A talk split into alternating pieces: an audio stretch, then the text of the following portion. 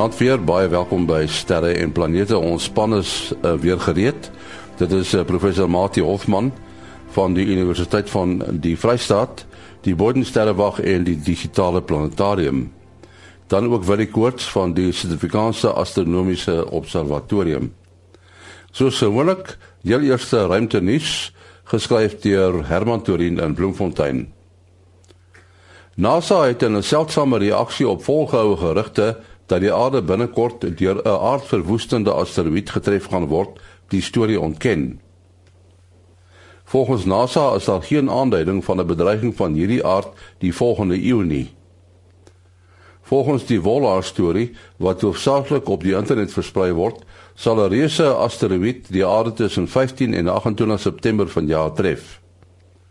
Dit is ou gerugte wat weer die afgelope weke lewe gekry het en spruit blykbaar voort uit 'n gesig wat 'n selfaangestelde profeet, Efrain Rodriguez in 2010 in 'n brief aan NASA bekend gemaak het. Rodriguez self ontken dat die gevalle met mekaar verband hou. Dit val saam met die jaarlikse grap dat Mars op 27 Augustus so na aan die aarde sal wees dat dit so groot soos die maan sal vertoon. Die poets word reeds die afgelope meer as 'n dekade jaarliks versprei en elke jaar word mense uitgevang. Mars is dan in werklikheid byna op sy verste punt van die aarde af. NASA se Curiosity duig wat om reeds 'n stywe en teen Berg Sharp se hang op bevind, het op 'n stuk grondbodem afgekom wat 3 tot 4 keer soveel water bevat as enige ander plek waaroor die tuig op Mars gery het. Die plek staan bekend as Maria's Pass. En Curiosity het verskeie weke die gebied En Curiosity het verskeie weke die gebied wat ongewoon baie silika en waterstof bevat bestudeer. Die tuig het ook sy boor ingespan en terwyl die tuig nou verder beweeg, word die materiaal wat losgeboor is verder in die laboratoria aan boord ondersoek. Die gebied wat ondersoek is, word as 'n geologiese kontaksone beskryf. Tot sover ruimte nuus geskryf deur Herman Turin in Bloemfontein. Ja, wat ek kort sê professor Mati Hofman is 'n uh, eh, ouer gewoonte wie op hulle pos vir uh, die aflewering van sterre en planete. Mati, ek was sommer met die deur in die huis val. Uh, so 'n bietjie praat oor planetariums. Uh, die planetariums in my klein tyd, dit was die sogenaamde optomeganiese planetarium, die ene hier by Wits. Uh, hoe het hy presies gewerk? Uh, ja, dit is by Wits en uh, Wits en hy werk nog soos hy altyd gewerk het. Uh, fantastiese masjiene wat hulle die optomeganiese uh projektor noem. En dit verwys natuurlik daarna dat hy het 'n uh, klop meganiese dele wat kan kan draai op allerlei maniere. En dan het hy 'n klomp lense uh en hierdie masjiene is fantasties goed daarmee om 'n realistiese sterrebeeld uh op 'n koepel te projekteer Uh so jy kan die sterrehemel baie naby laat lyk soos dit regtig lyk met 'n donker agtergrond en die die melkweg en die relatiewe helderheid van die sterre. Nou die uh sover ek dit het, het hierdie projektors vanaf die 1930s begin ontwikkel. Ehm um, hierso teen die 1960s het dit in Amerika toe hulle nou met die ruimte program begin het en hulle kom agter die algemene kennis van die breë publiek was maar baie power toe hulle 'n groot klomp uh, kleiner projektors gemaak die sogenaamde spits uh, planetarium projektors wat by honderde en nie duisende skole oor Amerika gebruik is. So hulle selfs daarso by skole planetariums gehad. Maar Suid-Afrika het die twee bekendes gehad die een by die uh Isa Museum in Kaapstad daar by die tuine uh en hulle het hom nou ook nog hulle het uh, iewers dink ek in 1960s na die groot projektor uh opgegradeer. Uh nou in die moderne tyd, dink hierso vanaf die 1980s het hulle begin met die uh digitale projeksies en die idee was om die uh optomeganiese beelde wat dan nou baie mooi en uh, leersaam was aan te vul met uh digitale projeksies wat jy nou video kon bysit en so meer en met die tyd het die volkoepel digitale planetariums ontstaan. Nou die voordeel van die digitale uh projeksiestelsels is dat jy baie meer groter verskeidenheid grafika en uh, video en so meer kan uh projekteer. Die nadeel daarvan was dat dit nie net so mooi visueel aantreklik was soos die optomeganiese uh, projektors nie. Die sterre was nie net mooi skerp nie, die donkerte was nie net so donker nie. Ehm um, en die relatiewe helderhede van die sterre uh, was nie so realisties in vergelyking met wat hoe dit regtig daar buite lyk nie. Maar natuurlik alles ontwikkel en uh, vandag se tyd is die uh, kon sien nou maar die eerste prys wat jy wil hê is om 'n uh, baie goeie optomeganiese projektor plus nog 'n digitale projeksie projektor te hê. So die beste van twee wêrelde. Dit kos natuurlik baie geld. Uh hierso in uh, Bloemfontein was ons bevoorreg om die eerste digitale planetarium in Sub-Sahara Afrika te vestig en ons is nou 'n uh, boetie van die twee groot planetariums uh in Johannesburg en Kaapstad. Ons werk reeds uh op informele maniere saam en ons netwerk sal stewiger word.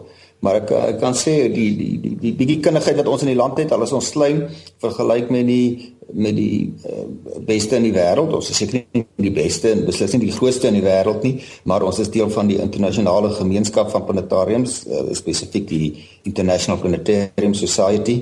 So dis 'n groot bedryf uh, internasionaal met 'n hele klompie duisend planetariums wat uh, miljoene mense elke jaar bereik dieselfde Spitzer uh, planetariums wat uh, Martin nou van gepraat het. Uh, Daar's nog 'n werkende een uh, by die Lugmagmuseum hier by Eysterplaat in die Kaap.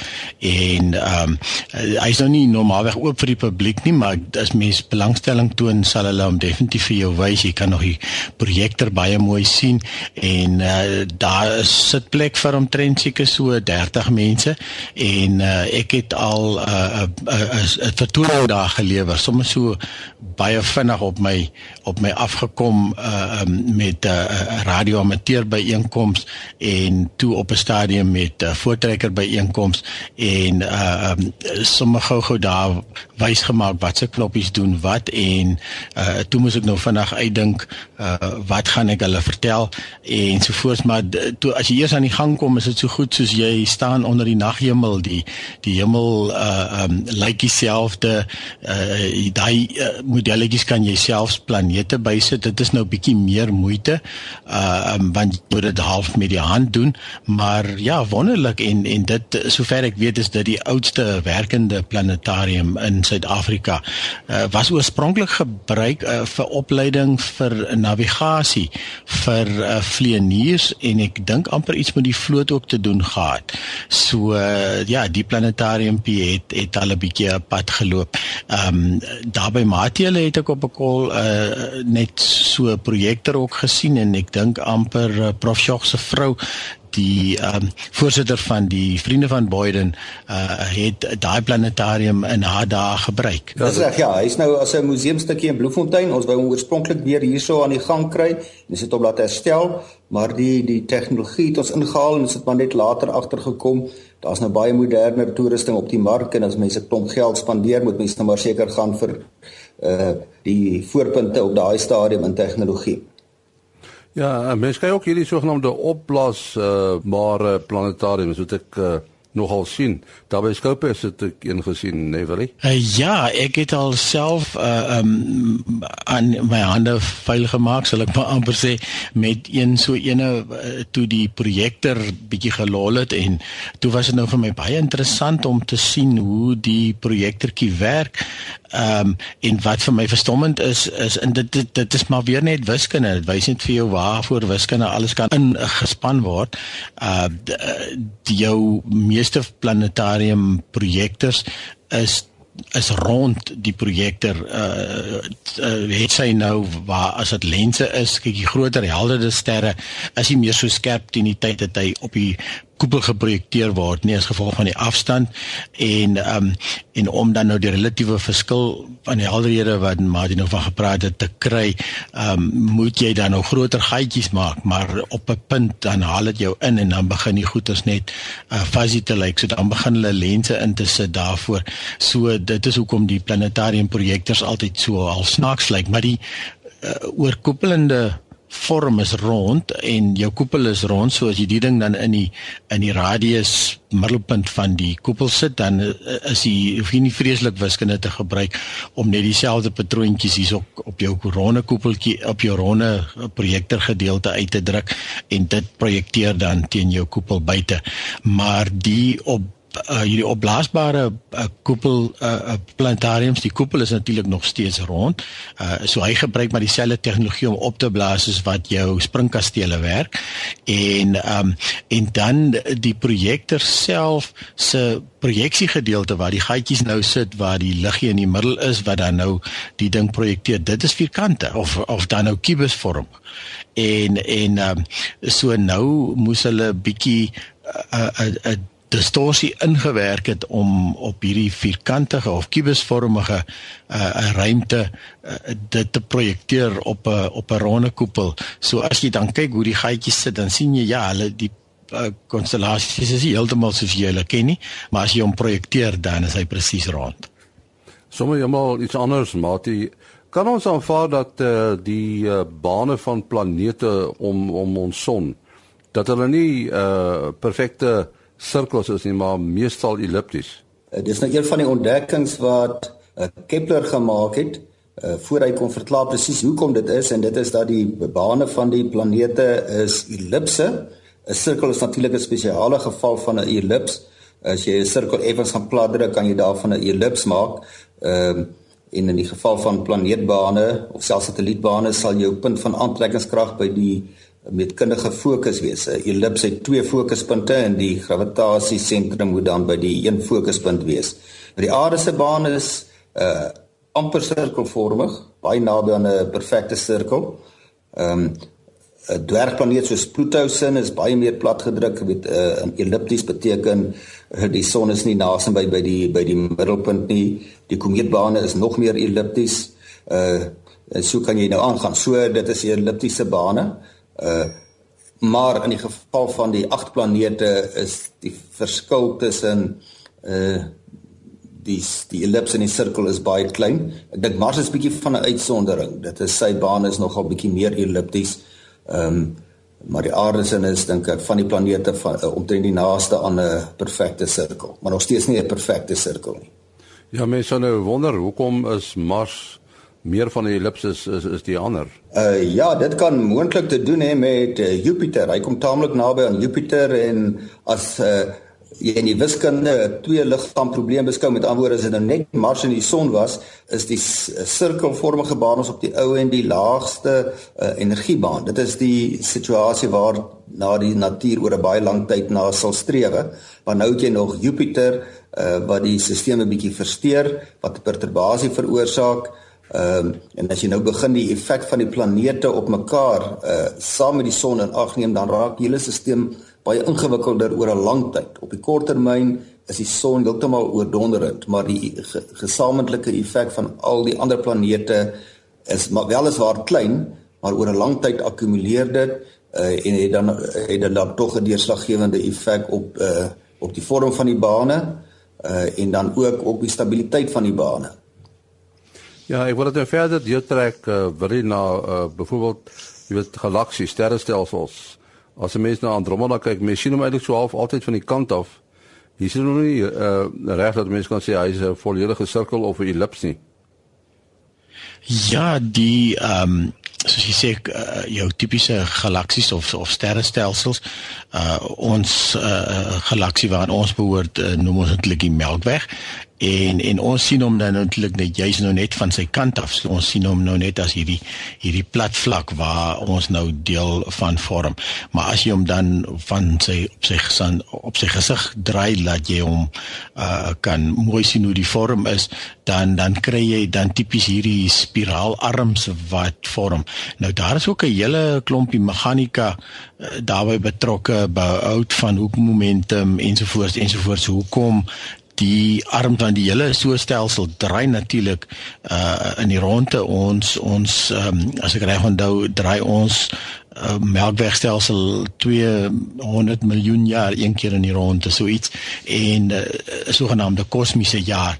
En en uh, dan die meganika kom daar in dat dat ehm um, uh, hoekom uh, gaan die arms nie verder oop nie ensovoorts ensovoorts so dit is 'n uh, 'n hele studieveld op sy eie amper uh hoekom dit dan nou arms vorm en en dan as jy ook dan gaan kyk in galaksies waar daar nog stervorming plaasvind, dan is dit asof dit op 'n sekere gedeel gedeeltes van die van die arms plaasvind.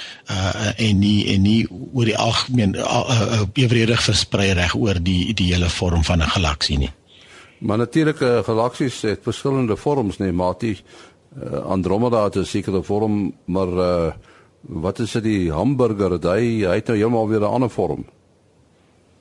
Uh ja, as jy by die by die sterrestelsels kom, kry jy die ehm um, elliptiese sterrestelsels wat uh wel dit kan sferies ook wees, maar as jy nou 'n uh, ellips na drie dimensies uh, veralgemeen dan kry jy die meer ellipsies elliptiese uh of jy kry die heeltemal onreëlmatige vorms Ehm um, soos die groot en klein Magellaanse wolke, hulle het nie enige bepaalde struktuur nie. Dit is waarskynlik versteur in hulle geskiedenis en dan kry jy nou die pragtige uh, spiraalsterrestelsels waarna Willie verwys het en jy kry ook die sogenaamde uh in Engels praat hulle van die Bart spirals. So hy het so behalwe die spiraalarms het hy nog ook 'n soort van 'n ehm um, staafstruktuur uh wat wat deur hom loop.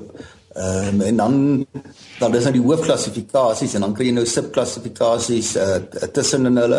Uh so die dis mos nie altyd so maklik om goed net in geïsoleerde kompartemente te sê uh, te plaas nie. Jy kry altyd so iets wat so half tussen die uh, die die klasse klasse lê. Jy kry net baie verskillende gro uh, groottes. Ehm um, ons melkweg is 'n baie gemiddelde uh, grootte melkweg. Die Andromeda is uh seker twee maal groter as ons in. Uh ons dan praat ons nou in orde van 100 na 200 000 miljoen sterre wat hier die die die grootste sterrestelsel wat daar is is seker omtrent 1000 keer veel meer sterre as die uh as ons sterrestelsel. So daar's 'n groot verskil 'n verskeidenheid van groottes wat ook baie interessant is is die is wanneer hierdie sterrestelsels in interaksie met mekaar is of selfs met mekaar bots. Uh en dan kan mens nou heeltemal versteurde patrone kry wat wat ek kan wat die botsing is natuurlik bietjie anders as uh wat 'n mens nou vir jou 'n botsing tussen twee snoekerballe sal voorstel. Dis nie 'n harde botsing nie. Dit is twee stelsels wat grootliks 'n ruimte het want tussen die sterre is daar baie groot spasies wat deur mekaar beweeg en mekaar dan die sterre in aller allerlei rigtings uh uitskiet. En dan kry jy nogal baie skouspelagtige uh gekombineerde strukture. Ons moet ongelukkig uh, stop. Uh, wil jy jou besonderhede? Ja, mense kan bel, SMS of WhatsApp 0724579208. 0724579208. En dan Mati? Uh 0836257154. 0836257154. Die mense kan maar verkieslik WhatsApp. Ehm um, dan kom ons makliker by al die boodskappe uit. My e-posadres is maas.henny@gmail.com. maas.henny@gmail.com. Tot 'n volgende keer. Mooi loop.